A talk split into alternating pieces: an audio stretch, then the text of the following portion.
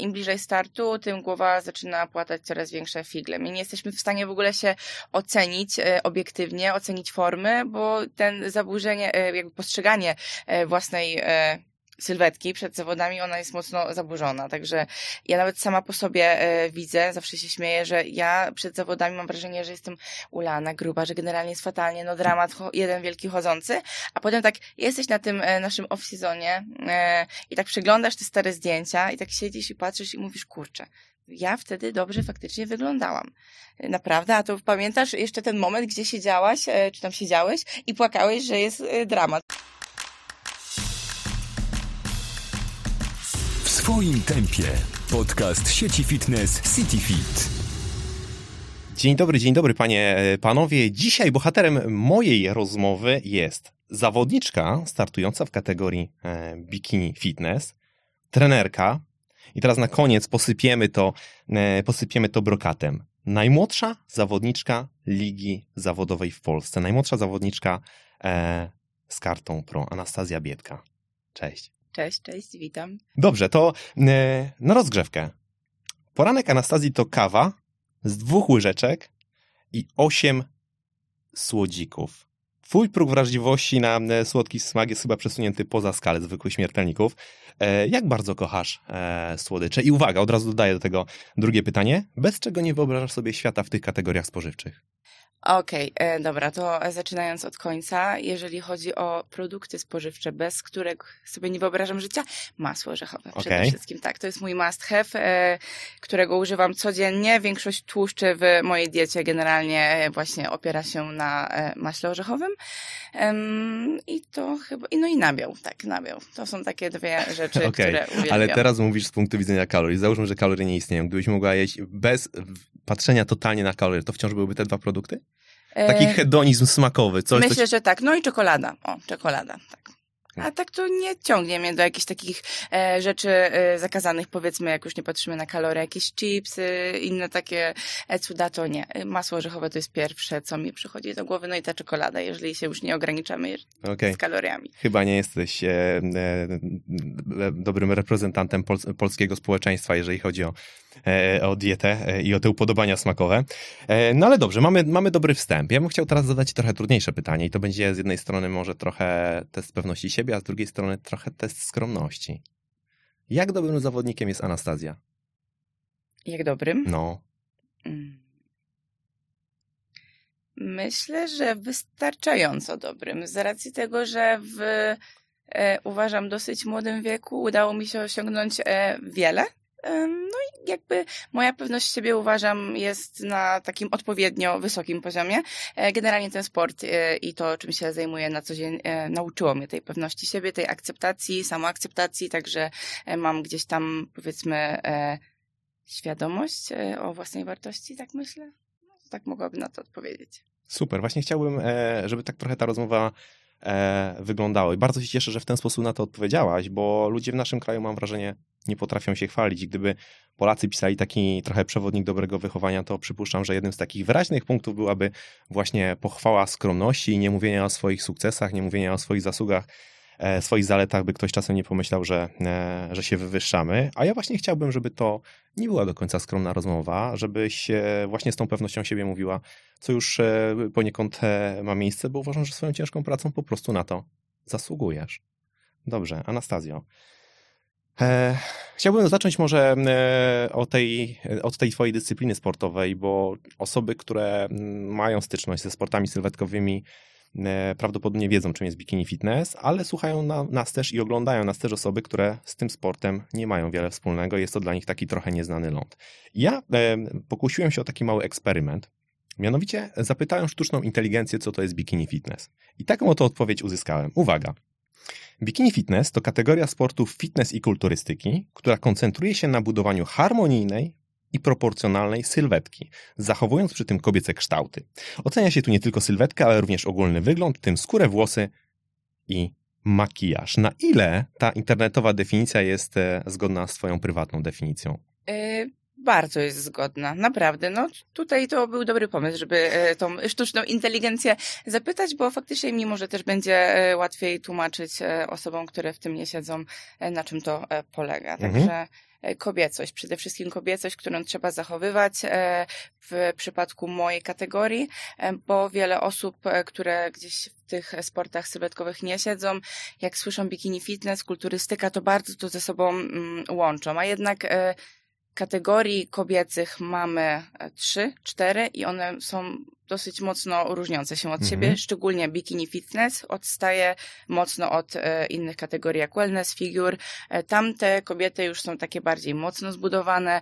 To można jeszcze po chamsku e, podciągnąć e, pod kulturystykę kobiecą, mm, ale bikini jednak nie, niekoniecznie. Mhm. Czyli można powiedzieć, że to bikini fitness z tych kategorii, które, które w tym momencie są, jest najdalej od kulturystyki? Tak, tak, tak. Jest najbardziej delikatne, też nie może być przerysowane, nie może być to e, za mocne, jeżeli chodzi o nasze sylwetki.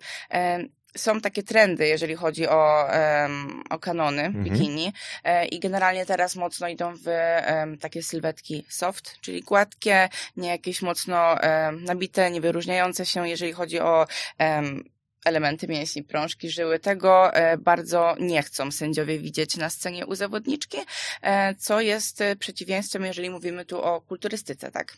Bo tam waskularyzacja, czyli te żyły, mięśnie muszą być dosyć mocno widoczne, a w bikini totalnie w drugą stronę. Mhm. Ty powiedziałaś trendy. Czy to oznacza, że to jest taki chwilowy czas? To znaczy, że to jest chwilowa moda, że w tym momencie w bikini fitness tak jest? Czy to po prostu jest pewna stała, która, która jest zawsze?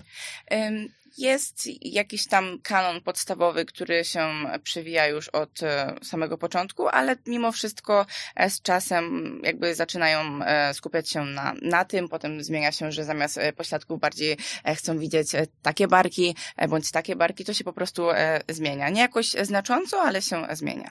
I ty jako zawodniczka musisz te trendy obserwować, śledzić? Czy to jest, to jest pewna niewiadoma, kiedy jedziesz na zawody, co będzie w danym momencie e, oceniane priorytetowo? E, ogólnie mm, jakby jest to niewiadomą, bo miejsce zależy od tego, jakie możesz uzyskać, generalnie z kim stoisz na scenie. Raz jedna zawodniczka pojedzie na zawody z taką obstawą, będzie pierwsza, pojedzie tydzień później do innego miejsca, do innego kraju i będzie załóżmy ósma. Także to zależy jak wypadasz na tle e, innych zawodniczek e, po mhm. prostu. Mm, Okej. Okay. Czyli, czyli, czyli to obok kogo stoisz ma znaczenie. E, a, bo też tak trochę do, do tego poniekąd zmierzam. Mm, czy w tego rodzaju zawodach można wy, wygrać albo przegrać przez dobry albo kiepski makijaż, przez lepsze albo gorsze włosy? Zmierzam do tego, czy to są bardziej wciąż igrzyska sportowe, czy takie bardziej igrzyska piękna? E, nie, nie. Raczej makijaż tutaj nam nie będzie e, mocno wpływał na wynik końcowy. No chyba, że mamy dwie zawodniczki, które budowę mają bardzo podobną, formę mają bardzo podobną, wszystko jest bardzo do siebie podobne, no to raczej wygra ta, która no lepiej się prezentuje i lepiej prezentuje ten całokształt. Czyli tutaj e, już patrzymy na te włosy, na makijaż, aczkolwiek obserwuję zawodniczki i nieraz widzę, że e, wygrywa ta, która no niekoniecznie ma w tym dniu dobrze zrobiony makijaż, bądź tam wszystko jest ok z włosami, więc nie ma co tak się nad tym skupiać, e, ale jest to mimo wszystko ważne, bo mm, ten full package tak zwany jest e, dosyć mocno e, no, brany pod uwagę. Musimy przyciągnąć uwagę e, sędziów na scenie, dlatego skupiamy się na wszystkim. Mhm. Ale wciąż ten aspekt sportowy tam odgrywa taką, można powiedzieć, bardzo fundamentalną rolę. E, tak, tak, tak, to na pewno. No dobrze, to tak pokrótce mamy taki trochę obraz, na jakich filarach ten, ten sport stoi.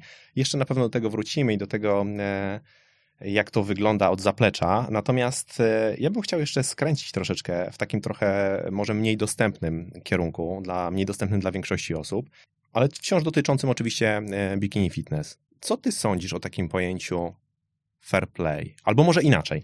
Czy zdarzyło ci się doświadczyć ze strony sędziów albo na przykład innych zawodniczek jakichś takich zachowań, które e, z tym pojęciem sprawiedliwy sport nie mają wiele e, e, wspólnego, jakichś podstępów, sztuczek, knowania, manewrów, które miałyby cię zbić z pantałyku? E, oczywiście, że tak. W poprzedniej federacji, którą e, zmieniłam, mhm. e, teraz jestem w Lidze Pro, która gdzieś tam można ją podpiąć pod NPC, e, które e, również już w Polsce od kilku lat mamy, e, ale zanim przeszłam do NPC, startowałam w byłym już polskim związku sportowym, który był właśnie pod flagą IFBB Federacji, no i tam często były układy, układziki. Jeżeli miałeś kontakty z sędziami, to generalnie wiedziałeś, że będziesz na zawodach na pewno wyżej. Nieraz spotkałam się z sytuacją, gdzie mm, nawet oceniając już e, mężczyzn w kulturystyce, e, ktoś powinien ewidentnie wygrać, bo miał przodową formę, e, no a osoba, którą jakbyś miał oceniać, uplasowałbyś bardziej na, nie wiem, czwartym, piątym miejscu, okazuje się, że ta osoba w ogóle nie wiadomo jakim prawem była druga. Potem wychodziło, że były po prostu kontakty i to takie było dosyć mocno krzywdzące dla osób, których, no, które faktycznie zasługiwały na dane miejsce, a go nie miały ze względu na różne właśnie takie sytuacje i przekręty, mówiąc wprost. Mhm. E, No dlatego też tę federację zmieniłam. No tam podejście do zawodnika no niekoniecznie było takie, jak powinno być. Ja nie boję się o tym głośno mówić, dlatego e, śmiało po prostu powiem, że no nie wyglądało to zawsze tak, jak wyglądać powinno po prostu i tyle. My bardzo chętnie o tym posłuchamy. A czy w tej nowej federacji, e, którą zmieniłaś, też takie rzeczy się zdarzają?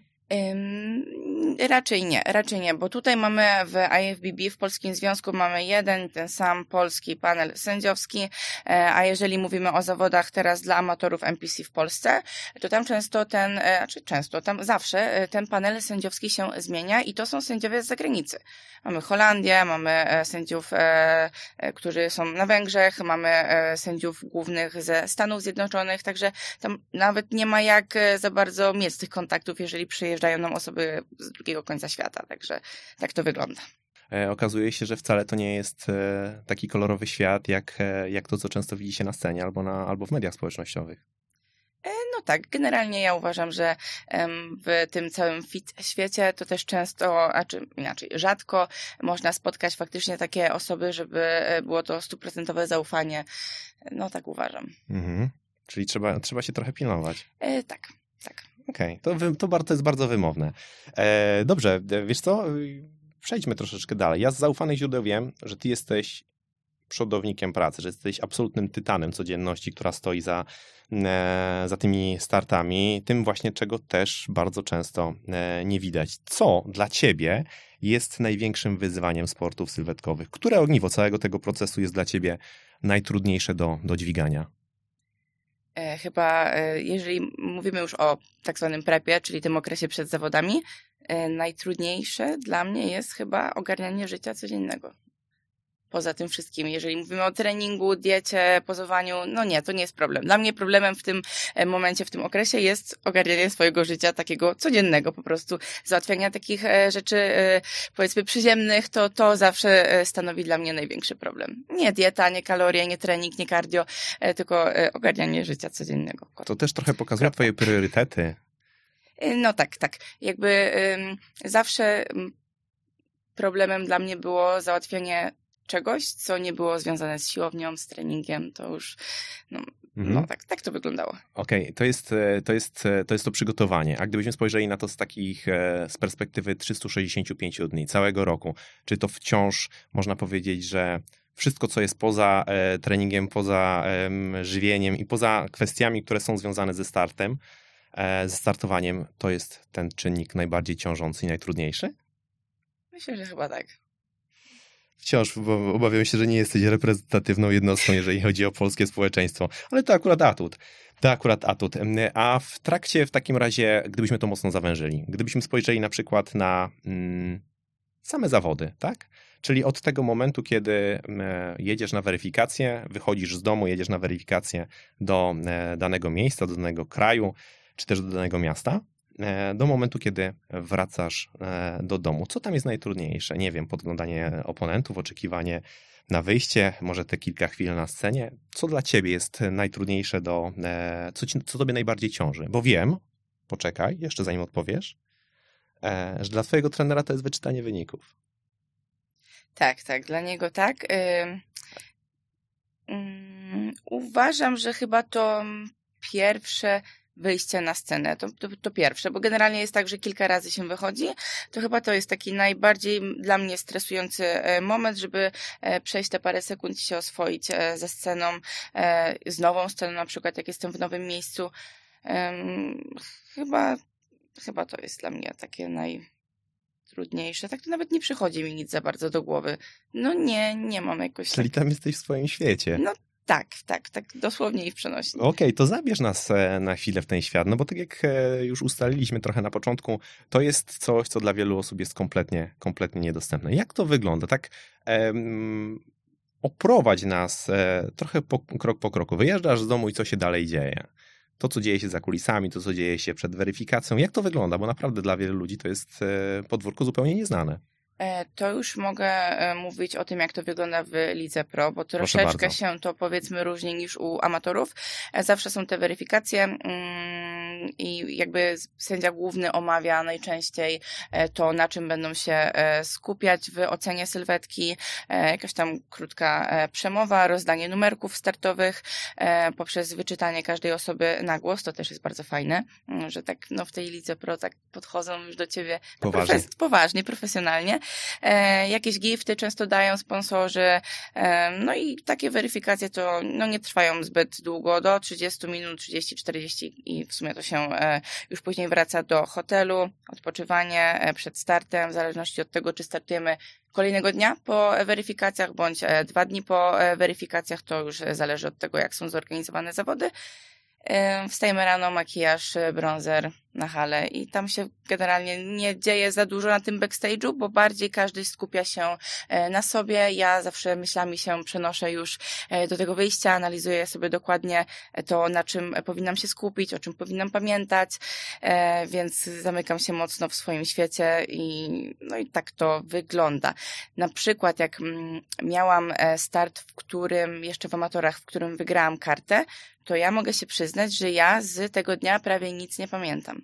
Ja byłam tak bardzo wyłączona w ogóle ze świata, tylko skupiona na tym konkretnym jednym wyjściu, że bardzo mało pamiętam, co się działo do momentu wyjścia na scenę. Także tutaj nawet nie mam co za bardzo opowiadać.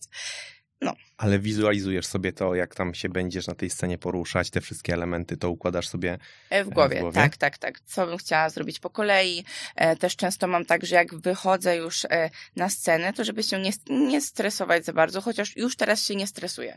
Ja też mam inne podejście w momencie, w którym przeszłam do Ligi Pro, że mam świadomość tego, że jeszcze dużo pracy przede mną. Mm, często te e, kobiety, z którymi stoję na scenie, to tak po 10 e, lat ode mnie starsze, więc ja mam świadomość tego, że e, jeszcze sporo czasu jest przede mną, więc sobie nie narzucam jakiejś presji na głowę.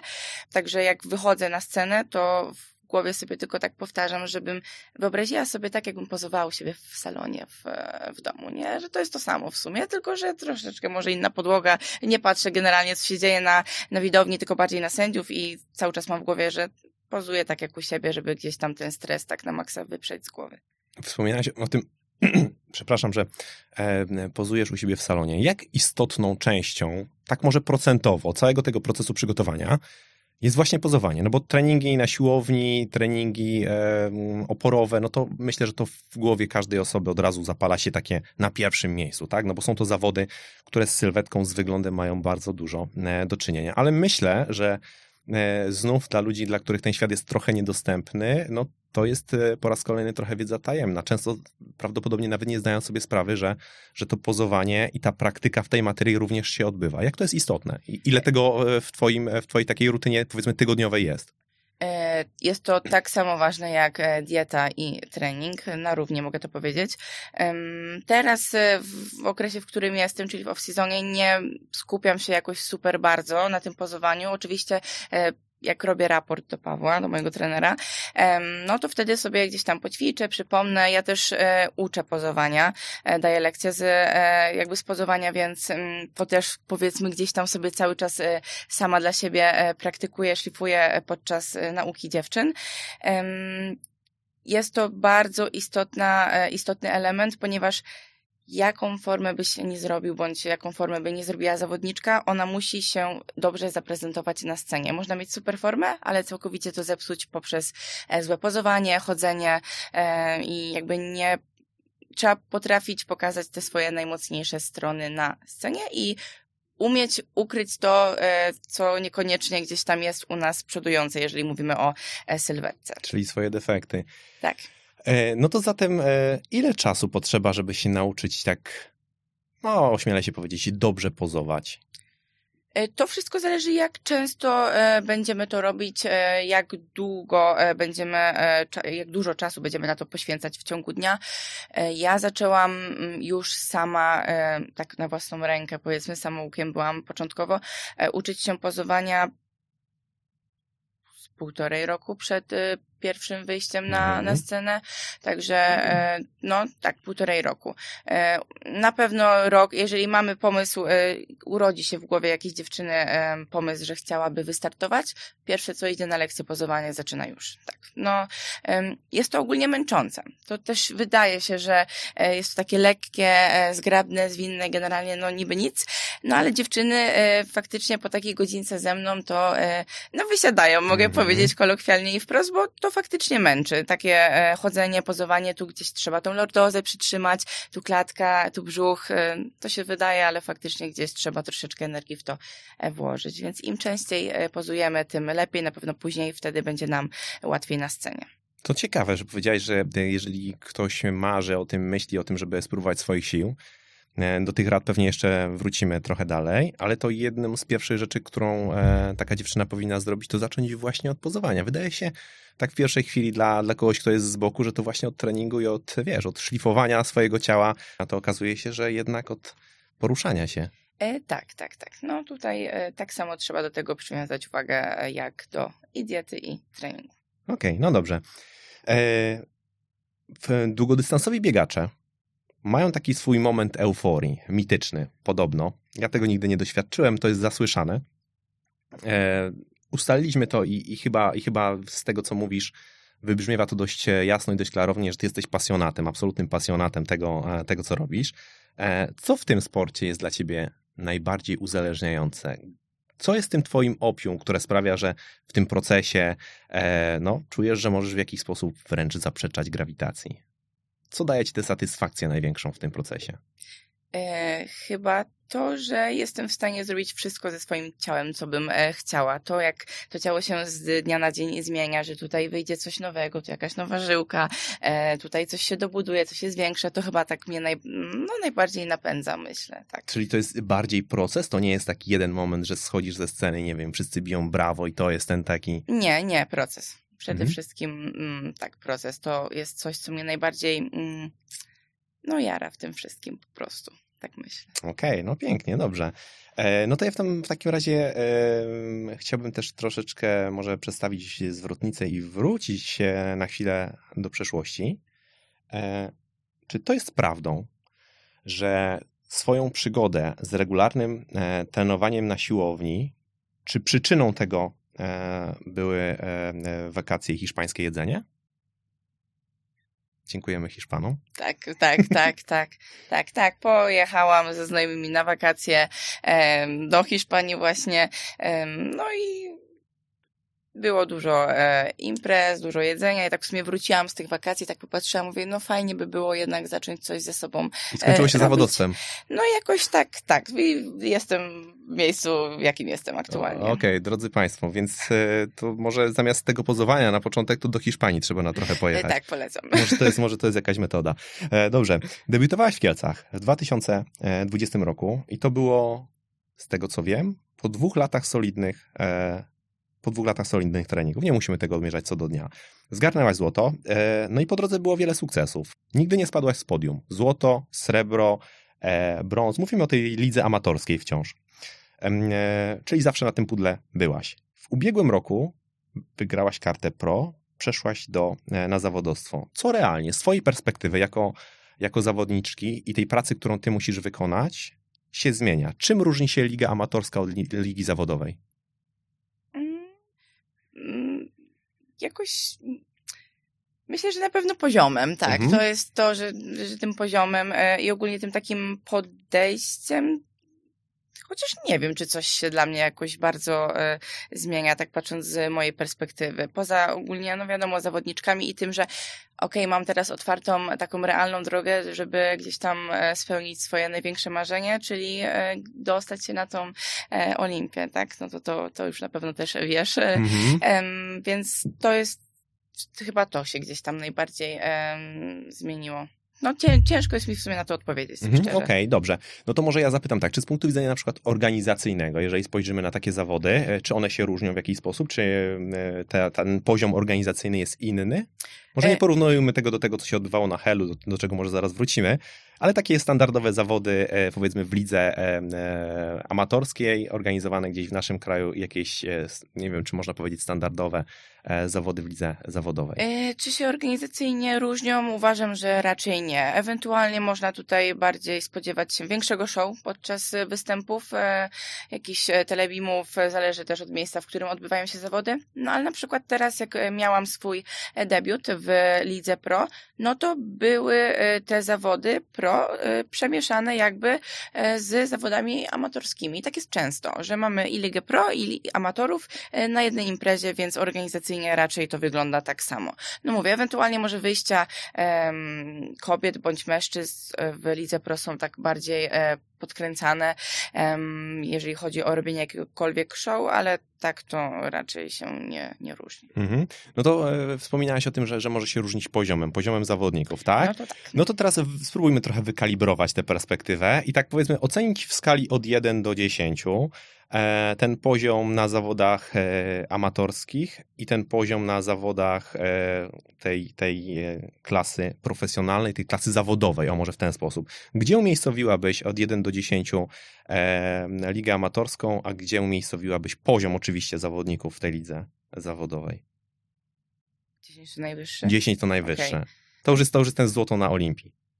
No tutaj też mogę powiedzieć właśnie, że zależy. Okay. Zależy od zawodów i od tego, kto na te zawody przyjedzie. Bo nawet często z Pawłem, jak rozmawiamy i oceniamy, że były zawody tu i tu i że tak patrzymy na top 5, czyli pierwszą piątkę zawodniczek tak, że w sumie to tam nie było jakiegoś szału z, z formą, więc no ciężko, ciężko to też mi jakoś tak porównać. Czasami mamy e, zawody e, amatorskie, gdzie przyjeżdżają super petardy i faktycznie ten poziom jest wysoki, a czasami jest tak, że no generalnie to nie ma za bardzo do czego bądź do kogo przykuć e, znaczącej uwagi, więc no też ciężko jest mi na to mhm. odpowiedzieć, bo to mówię, zależy generalnie od tego, kto przyjedzie na konkretne e, zawody. Mhm. Ale biorąc e, jakąś średnią z amatorów i z e, pro, no to powiedzmy, że ci amatorzy to dwa, trzy, okay. cztery, a, a Liga Pro to jeżeli bierzemy topkę z Olimpii, no to wiadomo już dyszka, hmm, to na mhm. pewno.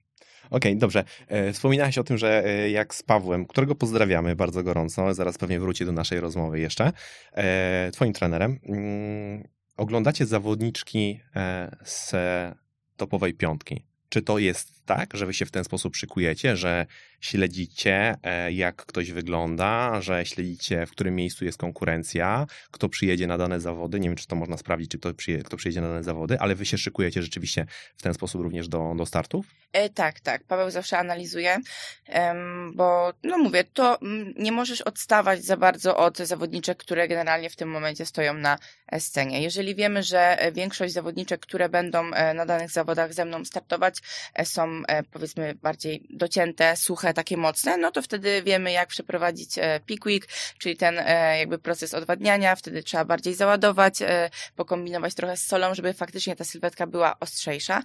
A jeżeli wiem, że te takie znane zawodniczki, bo tutaj w tym sporcie, szczególnie w Lidze Pro jest bardzo dużo polityki, trzeba jeździć, trzeba się pokazywać, żeby cię sędziowie kojarzyli, więc zawsze gdzieś tam skupiamy uwagę na zawodniczkach już znanych.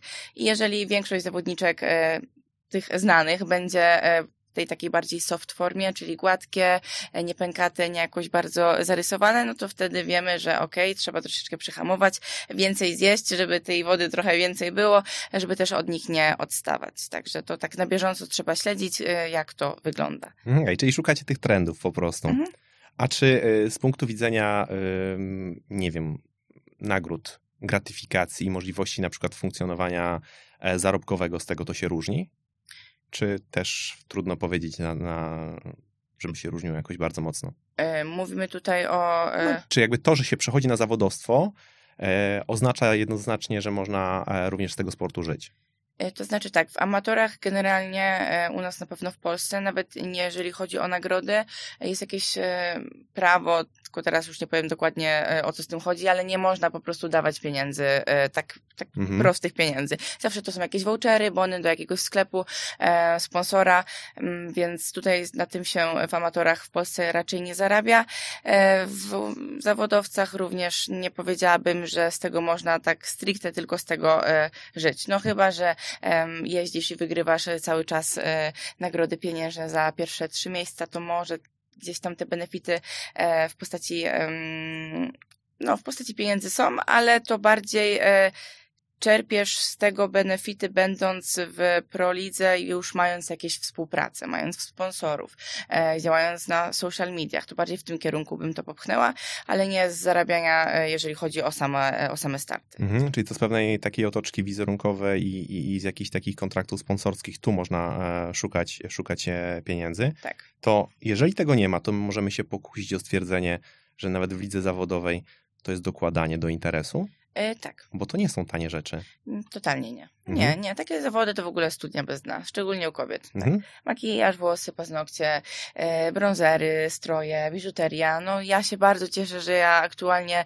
e, mam współpracę i, i, gdzieś tam wsparcie od osób, z którymi e, pracuję, bo faktycznie jest to dosyć duży wydatek, jeżeli mhm. chodzi o taki wyjazd na zawody jednorazowy. My tu mówimy o jednym starcie, a no mamy ich x w, w sezonie. No jasne, możemy rzucić jakąś kwotę, tak żeby zobrazować naszym słuchaczom? Ile to może kosztować? Albo jakieś widełki? Yy, tak, yy, zależy też co mam brać pod uwagę, czy już ten strój i tak dalej, czy ogólnie total, sam wyjazd na... Total, robimy wszystko, czyli ca cały pakiet, no ktoś chce wystartować, tak, na, na jaki, jaki budżet musi E, się nastawić. Ile musi mieć w portfelu, żeby móc powiedzieć, ok, teraz mogę jechać na zawody. Poza ciężką pracą, którą muszę wykonać, poza e, wszystkimi tymi elementami, które są e, niezbędne i które wydają się być najważniejsze, ile jeszcze muszę do tego dołożyć, żeby móc wystartować? To ja może to oprę na przykładzie mojego startu w amatorach w Polsce. Jeszcze wtedy, co startowałam właśnie, kiedy wygrałam kartę. Mnie wyjazd do Warszawy, e, nie licząc stroju, mhm. no na, na razie nie licząc stroju startowego, kosztował około 4 tysięcy. Tak, 4, 4, 4 a 5 tysięcy.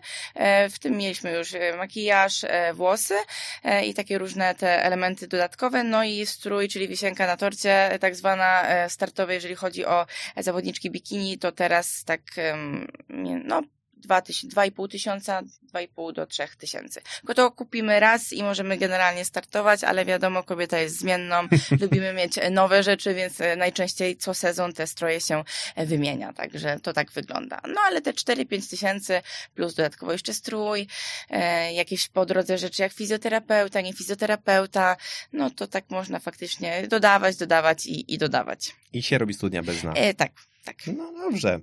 E, no to już mamy, mamy pewien obraz tego.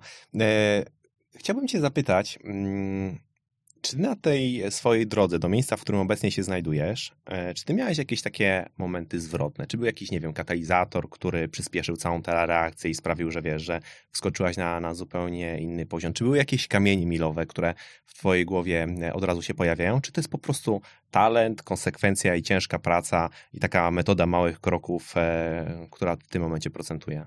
Mm, uważam, że ta metoda małych kroków na pewno. Ja też e, często o tym e, wspominam e, swoim klientom, że to jest jedna z lepszych metod generalnie w tym sporcie i w dążeniu gdzieś tam do mm, uzyskania wymarzonej sylwetki, bo każdy ma gdzieś tam inną wizję w głowie tej wymarzonej sylwetki. Mnie na pewno napędzały momenty, w których niekoniecznie szło tak, jakbym chciała. Na przykład ten hel nieszczęsny, te zawody. Wyciągnęłam bardzo dużo gdzieś tam wniosków z tego startu i miałam takie, no nie, kurde, ja muszę na kolejnych zawodach pokazać, że no ja przepraszam, ale trzecia być nie mogę, to jeszcze na helu. No tak, zawsze mierzyłam e, wysoko, więc to mnie gdzieś tam zawsze e, napędzało. Ja też dostałam takiego kopniaka motywacji e, na pewno po ostatnim starcie w Federacji IFBB, że też było tak ogólnie, że raz pominęli moją kategorię, jeżeli chodzi o powołanie do Mistrzostw e, Świata, że Mhm. generalnie powinnam pojechać, a w sumie to nie pojechałam, tylko wzięli e, dwie dziewczyny z innych kategorii, to miałam takie, kurczę, no nie, ja muszę pokazać im, że e, no się mylili, mówię, co do mojej osoby i faktycznie gdzieś tam zaznaczyć to, że że może jestem jednak gdzieś dobra w tym sporcie, to takie momenty, że komuś musiałam coś udowodnić, pokazać, że faktycznie potrafię. To tak to u mnie wyglądało. Słuchacie podcastu sieci fitness CityFit. Mhm, czyli te, te dodatkowo, dodatkowe paliwo uruchamia się, kiedy, kiedy, robi się, kiedy zaczyna się robić trochę bardziej pod górkę. Tak, tak, tak. No ja nie miałam tak, że się demotywowałam, nie, bardziej właśnie to mi bardziej napędzało, jakieś te moje niepowodzenia, e, jakieś e, potknięcia e, na drodze gdzieś tam do e, dążeniu e, do celu, jeżeli chodzi o starty, także tak to wygląda. No, o tych niepowodzeniach zaraz chciałbym porozmawiać, bo wydaje się, że ich za wiele nie ma. Ale e, cały czas wspominasz o tym Helu i o tym, o tym trzecim miejscu. Dobrze, zatem spróbujmy chwilę o tym porozmawiać. Ale pytanie będzie troszeczkę przewrotne na początek. Czy to jest prawdą, że dla zawodnika drugie miejsce jest gorsze od trzeciego? Bo trzecie miejsce to jest wygrana w walce o podium, a drugie miejsce to jest przegrana w walce o złoto. E, Powiem Ci szczerze, że nie odpowiem Ci na to pytanie. Z racji tego, że jak ja byłam druga, bywałam druga tam na różnych em, zawodach jeszcze w poprzedniej federacji, to ja wiedziałam, że ja będę druga. Ja się realnie już przed e, wyjściem na scenę stawiałam w tym miejscu, bo wiedziałam, że tutaj realnie mogę najwyżej być, więc tutaj będę. E, Także jak ja byłam, za każdym razem, kiedy byłam druga, to nie było to dla mnie żadnym zdziwieniem, po prostu wiedziałam, że ja będę druga. E, tak, ogólnie podczas e, wszystkich startów w amatorach mogę powiedzieć, że ja jadąc na zawody wiedziałam, która będę. I za każdym razem się to sprawdzało. Pomijając hel, ale tak to... Ale dobrze, no bo to, to w ogóle od razu dwie ciekawe nitki tej, tej rozmowy e, dostrzegam, bo wspominasz o tym Helu i czy to nie jest czasem tak, bo to może być moja trochę mylna diagnoza, że to złe wspomnienie, które masz, e, z, które, które dotyczy właśnie tych zawodów i to trzecie miejsce, to nie jest kwestia tego, że ty zająłeś trzecie miejsce, tylko całej otoczki, która organizacyjnie była no, nie do końca e, dopięta na ostatni guzik e, i stąd e, postrzegasz to jako największą porażkę. Czy to po prostu była twoja forma i masz do siebie pretensje, czy zarzucasz sobie, czy też stawiasz tutaj taką kreskę, taki krzyżyk, okej, to były najgorsze zawody, bo tam ja byłam w najgorszym miejscu. E, Nie, jakby nie oceniam tych zawodów e, najgor- jakby najgorszymi przez to trzecie miejsce, totalnie nie. Nie, tylko przez e, całą tą otoczkę. Dziewczyny, które były przede mną, wyglądały wtedy tego dnia lepiej. U mnie po prostu nie siadło wszystko. E, Od bronzera po formę, po makijaż, włosy i e, wszystko e, jakby z tym związane. Dlatego gdzieś tam mam po prostu z tym e, złe wspomnienia. A dziewczyny, które były lepsze wtedy, no to były lepsze i tyle. Jakby tutaj nie mam do miejsca pretensji. Nie, bardziej do e, wszystkich rzeczy e, wokół. Wszystkich rzeczy wokół. Powiedz naszym słuchaczom, chociaż kilka, żeby, żebyśmy mogli to nakreślić, bo ten hell e, będzie już taki przeklęty, padł tyle razy, a i, i słuchacze wyjdą, e, czy też widzowie, wyjdą po tym odcinku i będą się zastanawiali, co O tu się na tym hellu stało. Tak, tak. E, No tak, zawody e, robione w plenerze pod jakąś e, wiatą, w sumie powiedzmy, powiedzmy wiatą. E, Padał deszcz, było zimno, my w tych strojach, e, w bronzerach, e, na deszczu, bez żadnych parasolek, bez naszego backstage'u. E, Generalnie ja pamiętam, że ja leżałam z parasolką na tych takich ławkach budowanych, które są najczęściej przy, przy morzu, e, owinięta w ogóle w koc, w kołdrę, we wszystko w sumie co miałam. E, No i sobie tak leżałam i czekałam na wyjście. Po prostu. E, Toaleta płatna, dwa złote. Okej, e, poczekaj, żeby, żeby to dobrze wybrzmiało. Ty do tej im- imprezy dołożyłaś kilka tysięcy złotych, tak? Nie, nie, nie. Tu akurat na szczęście nie był to bardzo e, kosztowny e, wyjazd, ale tak, no Okej, dobra, dobra. E, Resztę, resztę słuchacze mogą sobie, e, sobie sami dopisać e, i dotworzyć historię. Ale powiedziałaś też, że właściwie jak idziesz na zawody, jak jeździłaś na zawody, to wiedziałaś, które będzie miejsce. To jest dosyć ciekawe. To wynika z tego, że wchodzisz na, nie wiem, na zawody, wchodzisz na ten backstage, tak zwany, widzisz zawodniczki i już wiesz, gdzie jest twoje miejsce w szeregu, jaką masz formę, czy z czego to wynika? Bo to jest, to jest trochę zaskakujące. Ja całkiem niedawno, em, kilka e, naście dni temu rozmawiałem z Olą Mirosław, która się wspina na czas e, i ona powiedziała, że ona nigdy nie wie, kiedy uderza ręką e, po tych 6 sekundach tam e, na, na tej 15-metrowej ścianie, to ona nie wie, czy, czy to jest rekord świata. Skąd się to bierze?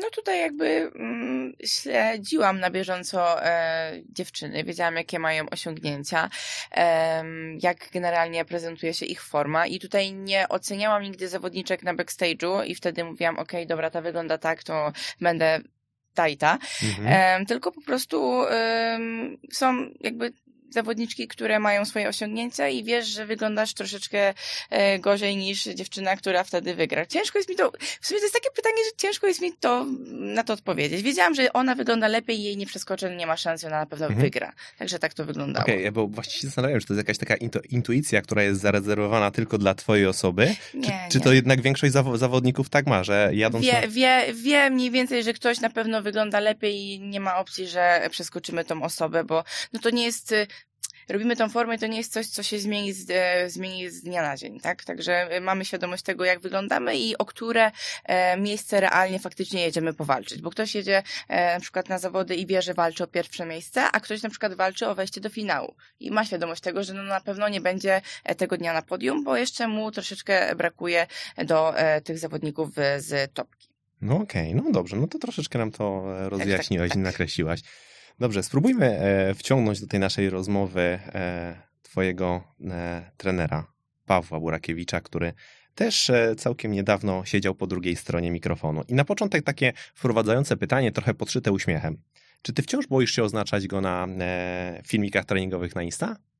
Nie, na szczęście nie, ale tak e, miałam, że nie chciałam go oznaczać, bo jest bardzo wymagającym trenerem i zawsze się do czegoś po prostu musiał przyczepić. Ja wiem, że to w trosce o moje dobro, o moją dobrą formę i to, żeby te ćwiczenia wchodziły tak, jak powinny. Dlatego wcześniej tego nie robiłam, tylko bardziej już wolałam wysłać mu e, prywatnie, żeby ocenił wtedy. Wtedy się nastawiałam na to, że może być opierdziel tak zwany, ale teraz już nie, nie. Już jak się uważam, rozwinęłam, jeżeli chodzi o treningi, e, bo sama jestem trenerem, że już teraz się nie boję, bo wiem, że raczej e, nic mi e, nie, nie wytknie. No chyba, że coś znajdzie, żeby się przyczepić, ale to już tak przyjmuję spokojnie. Jest surowym trenerem. E, tak, jest. Wymagającym i, i surowym trenerem, także, no ale w dobrym tego słowa znaczeniu oczywiście. Aha, no dobrze, no to teraz pytanie już całkiem na serio. Mm, twoja karta pro Ile w tym jest twojego sukcesu, a ile w tym jest, e, ile, ile tego sukcesu dźwiga Paweł? Kurczę, no możemy się podzielić na pół, myślę. Tak. To tak dyplomatycznie. tak, tak. Tak dyplomatycznie. Ciężko mi odpowiedzieć na to. Nie, on zawsze był, wspierał, wysłuchał, e, ogarniał głowę, jeżeli trzeba było, bo to też jest dosyć ważne, żeby to podejście mentalne zawodnik miał odpowiednie, żeby nie zwariować.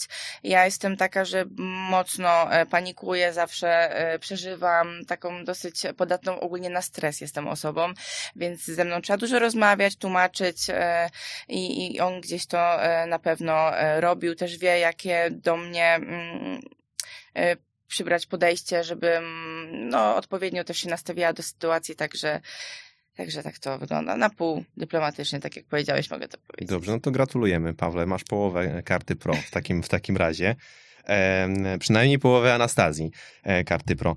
E, ale powiedz mi, na ile ten trener takim, bo znasz też to, to, to, środowisko. Ty, ty, oczywiście każda osoba zapewne jest trochę inna i każda patrzy przez swoje okno i każda ma inne potrzeby, inne podejście, mm, ale znasz też trochę to środowisko. Czy są ludzie, którzy robią to bez trenera? Jak dużą rolę trener odgrywa w takim procesie przygotowania e, od strony zawodniczej? Mm, tak, są osoby, ale to bardziej e, takie mm, pojedyncze jednostki, które się decydują na e, przygotowanie samego siebie pod zawody, bo tutaj głowa zaczyna, im bliżej startu, tym głowa zaczyna płatać coraz większe figle. My nie jesteśmy w stanie w ogóle się ocenić e, obiektywnie, ocenić formy, bo ten zaburzenie, e, jakby postrzeganie e, własnej e, sylwetki przed zawodami, ona jest mocno zaburzona. Także ja nawet sama po sobie e, widzę, zawsze się śmieję, że ja przed zawodami mam wrażenie, że jestem ulana, gruba, że generalnie jest fatalnie, no dramat, jeden wielki chodzący, a potem tak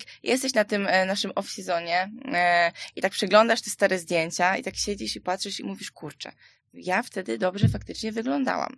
Naprawdę, a to pamiętasz jeszcze ten moment, gdzie siedziałaś, e, czy tam siedziałeś i płakałeś, że jest e, dramat. Także no nie ma e, tutaj raczej dla mnie opcji przygotowania się do takich zawodów samej, bo ja bym się zajechała po prostu. Mhm, Wysypałabyś się. tak, tym- tak, Ale tak. to jest jakby to wsparcie na tym poziomie mentalnym odgrywa, tak słyszę z tego tą, tą największą rolę. Tak, no mentalnym, no i też dobierze ci ten plan i te kalorie odpowiednio, tak jak to faktycznie powinno wyglądać em, i bez jakiegoś tam konkretnego, em, powiedzmy, e, zajazdu też mówiąc wprost. No tak myślę, że to jest gdzieś tam dosyć istotne. Jak będzie wiedzieć, że trzeba, inaczej, jak będzie widzieć, że trzeba przycisnąć, to wtedy e, daje znaka i to robimy, a jeżeli wie, że można troszeczkę sobie e, odpuścić bądź przystopować, to również e, jakby to kontroluje cały czas na bieżąco, patrząc, patrząc tym takim chłodnym okiem, mogę powiedzieć. Czyli e, to trochę polega na tym, że można mu tak e, zaufać i oddać coś w jego ręce, nie dźwigać tego wszystkiego samemu. Ja sobie nie wyobrażam nie ufać trenerowi, bo Mhm. jak ktoś nie ufa trenerowi, to nie jest to w ogóle współpraca no, poprawna, tak myślę. Mhm. Okej, powiedziałaś trochę o tym postrzeganiu tego, tego swojego ciała. Wiem, że to nie zabrzmiało specjalnie zdrowo, jak ktoś nas e, teraz słucha, ale mam takie pytanie. E, czy ten sport i przygotowania do zawodów, e, cała ta twoja historia, one się odbiły kiedyś na twoim zdrowiu w jakiś sposób? Psychicznym czy fizycznym? Zdrowie to dobrostan fizyczny i psychiczny, więc możemy wrzucić do, do tego worka jedno i drugie.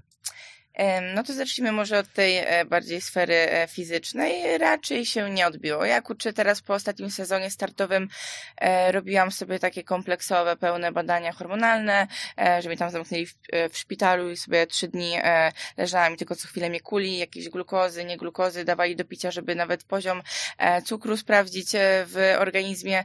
Mm, Później poszłam do swojej lekarki prowadzącej z wynikami, to mi powiedziała, że ja mam bardzo dobre wyniki, e, że generalnie mój organizm bardzo dobrze sobie radzi e, z tym, e, czym się zajmuje, więc śmiało mogę iść w tę stronę.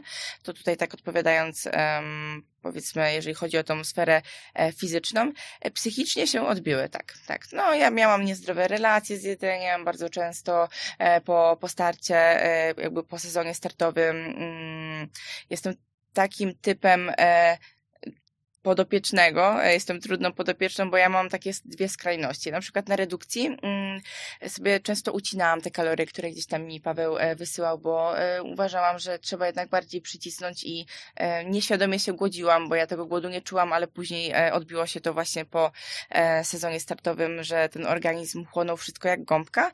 A znowu na masie mam tak, że w sumie to ja uważam, że jest okej, że mogę jeść więcej, więc dwie skrajności. Na masie jem za dużo, na redukcji jem za mało i to tak u mnie e, wygląda. No ale te zaburzenia takie e, psychiczne to, to były. No generalnie chyba najbardziej z tym e, jedzeniem tak tutaj gdzieś tam walczyłam, ale jestem w stanie to sobie już na ten moment uważam poukładać w głowie, więc musiałam trochę tych startów przerobić, żeby gdzieś tam to sobie wszystko poukładać. Mhm. Wiesz co, no jeszcze o tym wsparciu chciałbym, chciałbym podpytać o coś, bo to będzie może w pierwszej chwili dosyć dziwne pytanie, bo chcę cię zapytać, czy ten sport jest sportem drużynowym czy indywidualnym. Ty na scenie stoisz jako, jako jednostka, jako e, stoisz tam sama. Natomiast jak ważne w tym całym procesie, tych 365 dni funkcjonowania, jest wsparcie innych ludzi, bliskich ludzi? Czy ono tu odgrywa rolę, czy ty e, pchasz ten wóz sama? E, Nie, odgrywa rolę, uważam. Szczególnie w tym takim okresie e, właśnie no, mm, przygotowań do zawodów, żeby e, się móc komuś e, wygadać, e, po prostu chyba wygadać. Ja jak jestem przed zawodami, to w sumie jedyny temat, jaki istnieje dla mnie do rozmowy, to są zawody. Wiesz, dopytać, czy faktycznie jest okej, czy, czy może nie jest okej, czy to dobrze wygląda, no to to jest dosyć, no, istotne i, i ważne i fajnie jest mieć kogoś, kto gdzieś tam jest z tobą e, w tym wszystkim i tak samo się tym interesuje, bo to też jest istotne. Okej, to e, zapytam jeszcze tak, e, ale z racji tego, że mamy RODO, nie musisz ujawniać żadnego imienia i żadnego nazwiska. Jest jakaś taka jedna osoba wokół ciebie, na której szyi chciałabyś za- zawiesić e, swoje najważniejsze medale? E, Jest, tak. tak Okej, tak. tyle, tyle wam wystarczy. Tyle nam wystarczy. Dobra.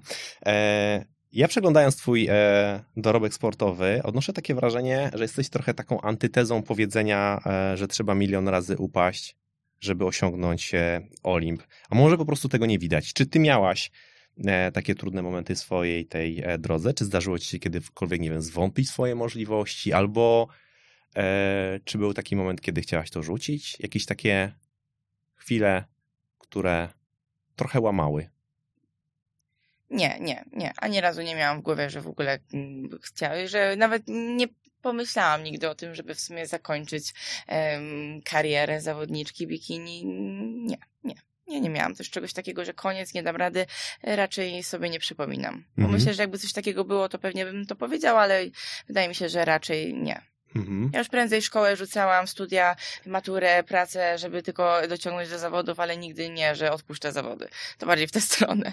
Okej. Tak, no, no pamiętam, że e, na poprzed, e, podczas poprzedniego sezonu startowego jeszcze e, w amatorach, to ja już e, do mamy dzwoniłam, mówię, mamo, nie, ja wrzucam szkołę, nie, rzucam studia, bo ja nie pociągnę dalej do zawodów, także, no dziekankę wzięłam przecież na studiach, o czym powiem, że żeby gdzieś tam faktycznie ten sezon startowy sobie na spokojnie pociągnąć, także tak to wygląda. No czyli to już ustaliliśmy, jesteś absolutnym pasjonatem, pasjonatką tego i to w tej twojej drabinie wartości jest na najwyższym, na najwyższym e, miejscu. E, To zapytam w takim razie, mm, gdybyś miała doradzić młodszym koleżankom, tak? Teraz mówiąc młodszym, mam na myśli e, niekoniecznie ich wiek, ale takie doświadczenie właśnie sportowe. Oczywiście koleżankom, które chciałyby spróbować swoich sił w bikini fitness. Co byś im powiedziała? To jest najczęściej zadawane mi pytanie Mhm. ogólnie, mm, żeby po prostu... To poczekaj, to ja je przeformatuję, Okej. żeby nie było tak jak zawsze. Czy znalazłaby się tam plakietka ostrzegawcza z napisem od teraz całe życie pod dyktando treningu, diety i zawodów? E, Myślę, że tak. Mhm. No bo ja do tego tak podchodzę i to też e, to jest e, sport, który wymaga dosyć dużej dyscypliny i organizacji czasu w ciągu dnia.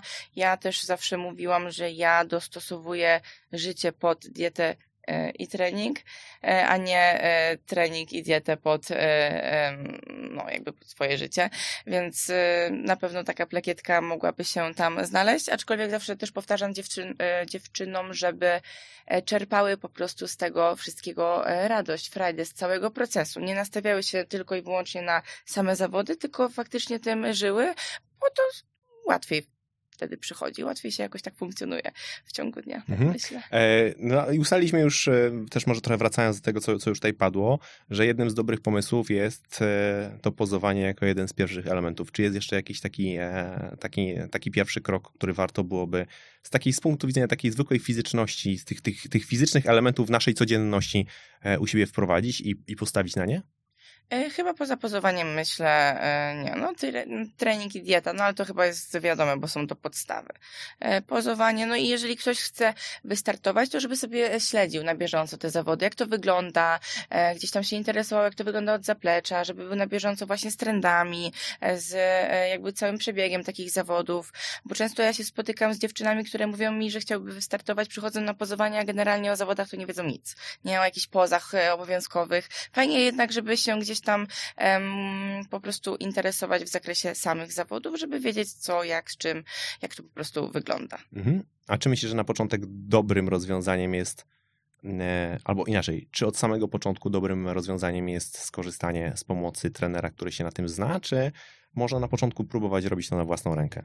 Nie, uważam, że od samego początku jednak warto już rozpocząć swoją przygodę z trenerem. Po co robić coś nieświadomie, popełniać jakieś błędy, skoro można faktycznie e, zaczerpnąć wiedzy u osoby, która generalnie się po prostu na tym zna.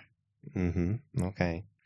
A gdybyś tak e, w tym momencie, wiem, że jeszcze ci do tego bardzo daleko, ale gdybyś miała w tym momencie zakończyć swoją karierę, brzmi strasznie, prawda? Tak, no nie, brzmi strasznie.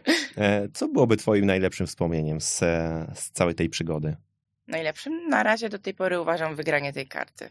Mhm. To był taki dla mnie moment e, niesamowity. Ja pamiętam jeszcze, jak ja mm, przed tymi zawodami oglądałam, e, w sumie słuchałam e, wywiadów właśnie z naszymi. O Boże, Na przepraszam. zdrowie. Tak, e, z naszymi e, zawodnikami. Mówią, że to jest uczucie nie do opisania i faktycznie tak jest. No ja ryczałam jak bubr. Generalnie cała się trzęsłam, ryczałam na scenie, potem ryczałam, płakałam po zejściu ze sceny jeszcze przez e, pół godziny.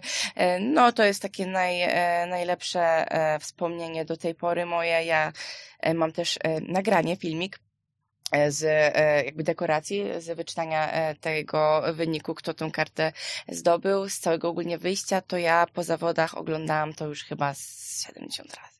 z 70 razy, z dobre trzy się jeszcze popłakałam w domu, nawet oglądając ten filmik, także zdecydowanie było to najlepsze uczucie i najlepsze wspomnienie jak do tej pory. Mhm. A przed tymi pierwszymi zawodami, jak szłaś na, wybierałaś się na pierwsze zawody e, w lidze zawodowej, twoje pierwsze zawody pro, e, czy było inaczej? Yy, W sensie takim, wiesz, swoje, swojego podejścia, tak? No bo byłaś przy, przyzwyczajona do pewnej, nie chcę mówić, że byłaś weteranem, no ale to było już takie podwórko bardzo dobrze znane, tak? Te, te zawody e, tej ligi amatorskiej, gdzie zgarniałaś wszystko. Czy było inaczej na tych pierwszych zawodach? Jak się do nich e, szykowałaś? Jak szłaś na, na te zawody? Jak jechałaś na te zawody? Jak wychodziłaś na scenę? Było inaczej? Ym, na pewno było inaczej nawet na samych weryfikacjach, bo to było takie właśnie już poważne podejście do zawodnika, te zdjęcia, to wyczytywanie nazwisk, e, takie głośne przy sędziach, to, to, na, no, to było takie bardzo fajne, ale ja też pamiętam, że ja się strasznie stresowałam weryfikacjami. Okropnie, bo było to coś nowego, więc ja to przed e, weryfikacjami normalnie em, no, cała się trzęsłam i był dramat. Tak jak mówiłam wcześniej, jestem osobą, która na ten stres jest dosyć mocno podatna, ale, e, ale generalnie wyszło finalnie bardzo, e, bardzo fajnie. E, Czy było inaczej, jeżeli chodzi o wyjście nawet na scenę? Mogę powiedzieć, że nie, bo to było w tym samym miejscu, gdzie ja i wygrałam kartę i miałam już wcześniej starty, także to było takie em, znane, tak jak wspomniałeś wcześniej, mimo wszystko podwórko, bo e, w miejscu, w którym już e, startowałam. Ale na przykład jak już byłam w em, później w Pradze, w Pradze, tak, była Praga i Rumunia. W Pradze na zawodach to tam też było takie wszystko wow, tak no inaczej, ale na, na plus, pozytywnie. Mhm. Wiesz co, e, jak wcześniej pytałem cię o to, jaka jest różnica między e, tą ligą e, zawodową a ligą amatorską, to tak trudno było znaleźć jakiś taki bardzo wyraźny punkt. Ja go teraz dostrzegam. Ty tak o tym opowiadasz, jakby ten sport i te zawody miały zupełnie inny zapach. Zapach oczywiście to słowo biorę w cudzysłów w tej, tej lidze e, profesjonalnej. Taki in, in, taką trochę inną formę ekscytacji u ciebie słyszę, kiedy o tym opowiadasz. Może to dlatego, że to jest wciąż świeże. Nie wiem, trudno mi to ocenić. Ale widać tu różnicę. Może, no, może tak być. Wiesz, dla mnie to w ogóle na przykład było szokiem, jak ja stałam w e, Pradze na scenie z dziewczynami, które ja wcześniej śledziłam, bardzo się nimi inspirowałam, były dla mnie takimi, taką formą motywacji i nagle przyszedł dzień, w którym ja w sumie to sobie od, e, koło nich stoję, pozuję, e, dzielę z nimi tą scenę, to jest dla mnie coś dalej niesamowitego i cały czas, no, czerpię z tego taką, no, radość, no, dalej mimo wszystko jestem młoda, jest Bardzo. jeden, no jeden, jeden sezon jest po prostu za mną, jeżeli chodzi o tą Ligę Pro i dlatego może to jeszcze przeżywam tak mocno. To bardzo fajne jest. A czy masz jakąś taką osobę, taką, taki, e, takiego mentora, taki wzór, wzór do naśladowania, osobę, która cię najbardziej inspiruje w tym środowisku? E, Ale mówimy tutaj konkretnie o jakiejś zawodniczce, czy... Może trener, nie wiem. Paweł teraz nie słucha. E, ty- Teraz. Em, czy ktoś mnie jakoś tak... Wiesz co, nie, Albo ja ktoś, to cię motywuje, także wiesz, że to jest to, widzisz, widzisz tę osobę, mówisz, okej, to, jest, to są dodatkowe oktany, żebym ja teraz, nie wiem, dała z siebie dwa razy więcej. E, Na pewno zawodniczki te takie ogólnie topowe, jeżeli mówimy już o, o, o scenie nawet e, na Mister Olimpii, to, to mam kilka takich po prostu zawodniczek, które sobie śledzę, em, które gdzieś tam mnie motywują, to, to możemy tak e, o tym wspomnieć. Mhm. Czyli to nie ma, jedne, nie ma tutaj jednego nazwiska. Jakiejś konkretnej jednej osoby nie, nie, Mhm. nie. Dobrze, to e, zapytam e, i przypuszczam, że to będzie pytanie, na które będzie bardzo trudno, a może nie, trudno odpowiedzieć. E, gdyby miało powstać takie, e, takie epitafium twojej sportowej kariery, gdybyś miała e, napisać jakąś historię, jak chciałabyś, żeby twoja kariera się zakończyła? Co chciałabyś mieć na koncie po zakończeniu kariery? Na pewno start na e, Olimpii. Mhm. To jakby e, nie wyobrażam sobie innej sytuacji. Mhm. Mm, start na Olimpii. No tak, jest trudno na to pytanie odpowiedzieć. Okej, to może niech życie to, te, te historie pisze. Tak, no nie chciałabym gdzieś tam Aha. czegoś planować, e, przepowiadać. Na Mhm. pewno wiem, że mam ten jeden konkretny e, cel, który e, osiągnę, bo wiem, że to zrobię, tylko mm, zobaczymy, kiedy to będzie. Właśnie stanąć na tych deskach Olimpii, więc do tego cały czas skrupulatnie będę dążyć. Mhm. Kluczyliśmy tak bardzo, bardzo długo naokoło i chyba tak na koniec, albo prawie na koniec zostawiliśmy sobie kilka takich technikaliów, które wydają się być e, pytaniami dosyć oczywistymi, ale chyba chciałbym je również zadać, bo sądzę, że osoby, które nas słuchają, e, dla których ty jesteś e, takim wzorem do naśladowania i taką osobą, która napędza do, do działania, e, takie rzeczy są ciekawe. Takie najbardziej podstawowe rzeczy. Ile razy w tygodniu trenujesz? E, Na ten moment pięć razy. Aha. Tak, pięć razy w tygodniu. No i cardio codziennie. Czyli tak czasowo, jakbyśmy to chcieli ubrać, ile wyrywasz z tych 24 godzin na te treningi? W ciągu dnia to tak zawsze sobie tak planuję około tych dwóch godzin. Dwie Mhm. godziny dziennie, nie więcej na pewno. Zależy od treningu, ale załóżmy, jak muszę sobie znaleźć okienko e, w ciągu dnia między treningami personalnymi na swój trening, e, to żeby to jeszcze ogarnąć z jedzeniem e, po treningu, wiadomo, świętość, Mhm. to zawsze sobie zostawiam takie dwie godzinki. Okej, czyli, czyli, to, czyli trochę tego jest, ale nie są to jakieś takie wartości, które po usłyszeniu których nagle by, by nas ścinało. Nie, nie, nie, nie, raczej nie. Nie ten rodzaj treningu uważam, nie jest to konieczne. Mhm. Żeby spędzać godziny, e, kilka godzin dziennie na siłowni, wcale to tak nie, nie wygląda. Okej. E, Czy wciąż twoim priorytetem jest tylna taśma? Tak, i myślę, że to będzie, to się nie zmieni nigdy. Tak Mhm. uważam. Tak, cały czas tylna taśma, poślad. E, tak, głównie się na tym skupiamy. Okej, a z punktu widzenia jedzenia, bardzo oczywiste prawdopodobnie pytanie. Ile posiłków w ciągu dnia zjadasz? Sześć. Sześć posiłków. Jak amen w pacierzu sześć. Nie mogę jeść pięciu, bo ja zaraz chodzę głodna, mam za długi dzień. Jak mam pięć posiłków, to em, ja często funkcjonuję e, od godziny szóstej rano do e, godziny dwudziestej e, trzeciej, więc ten dzień naprawdę się rozciąga. Te posiłki są dosyć małe, no bo jednak na sześć posiłków kalorie redukcyjne rozbić, to mm, trzeba troszeczkę narzeźbić w kuchni. Ale sześć cały czas z Pawłem też dużo dyskutowałam na ten temat, e, bo e, on mi e, na początku uparł się, żebym jadła te pięć posiłków, ale mówię nie, sześć, także sześć posiłków w Mhm. ciągu dnia. I w twoim jadłospisie wciąż występują takie produkty, które w niektórych środowiskach, albo inaczej, nie w niektórych środowiskach, w środowiskach sylwetkowych bywają często uważane albo uznawane za zakazane, takie jak na przykład nabiał, prawda? Nie wyobrażam sobie w ogóle mieć dnia bez jakiegoś skyra albo w twarogu. No, no nie, no Mhm. nie. Nabiał nie szkodzi e, w żaden sposób. Co prawda w nadmiarze jak najbardziej. No nie, e, nie, nie polecałabym jednak e, wszystkich posiłków w ciągu dnia jakby opierać na nabiale, e, ale to nie jest tak, że go w ogóle nie można jeść. Ja mówię, ja przed zawodami przed peak weekiem do końca jem na, nabiał, e, galaretki jakieś fit, takie różne e, cuda też się zdarzają, tak galaretkę dalej jem, misia kukurydziane też jem cały czas nieustannie, także to są takie produkty, które no, goszczą codziennie w mojej diecie. Mhm. Czyli ona nie jest tak radykalna, jak czasem może się wydawać, kiedy widzi się tych zawodników tam na scenie, że ona jest bardzo mocno ograniczona i bardzo, e, bardzo mocno wykluczająca. E, No nie, zależy jak do tego po prostu podejdziemy. Ja co prawda teraz e, zaczęłam się opierać na bardziej e, podstawowych produktach mimo wszystko. Już gdzieś tam też sobie e, wykluczyłam jakieś bardziej przetworzone rzeczy z diety, ale to nie jest tak, że musimy jeść kurczak, ryż bez warzyw i tylko na tym się opierać. Nie, nie, nie. To Mhm. wszystko zależy od tego, kto ma ile czasu, jakie ma chęci do gotowania i do kombinowania z tymi posiłkami, także Chęci i umiejętności, to też trzeba dodać, bo tak. nie, nie każdego one się trzymają, e, e, te umiejętności. I jeszcze jedno, jedno pytanie, które e, dla ciebie jest na pewno oczywiste. I dla osób, które w ogóle trenują na siłowni, przypuszczam, że jest oczywiste, ale dla ludzi, którzy są zainteresowani być może sportem, albo ten sport uprawiają rekreacyjnie, albo może go w ogóle nie uprawiają, nas teraz słuchają, może to być wiedza dość tajemna.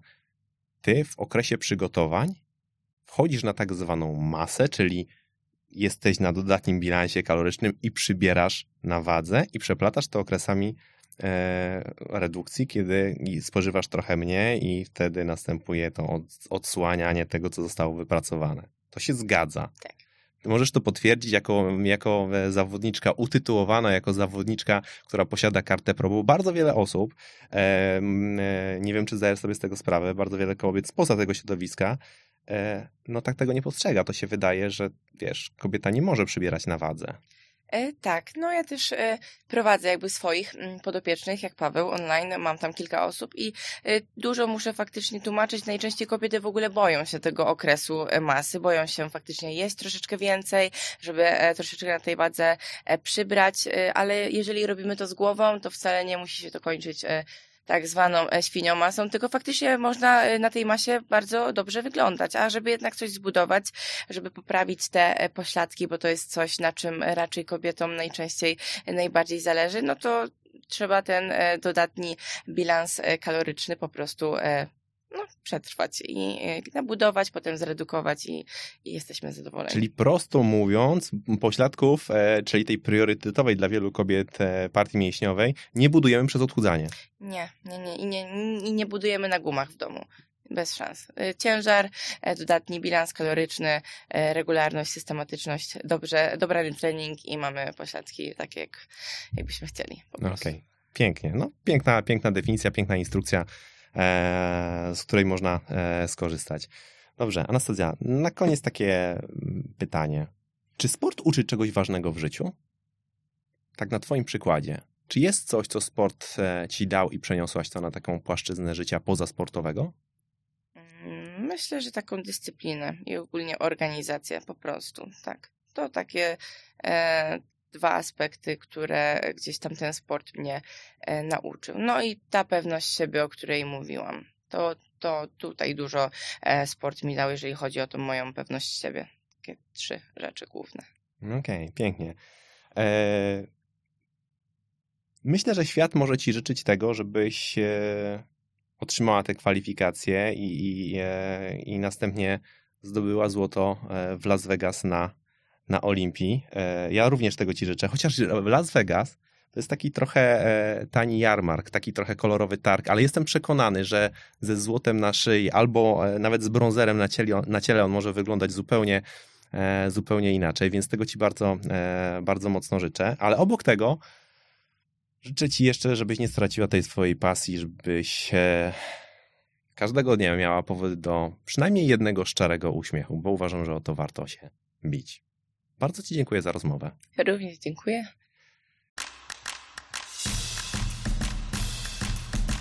W swoim tempie podcast sieci fitness CityFit.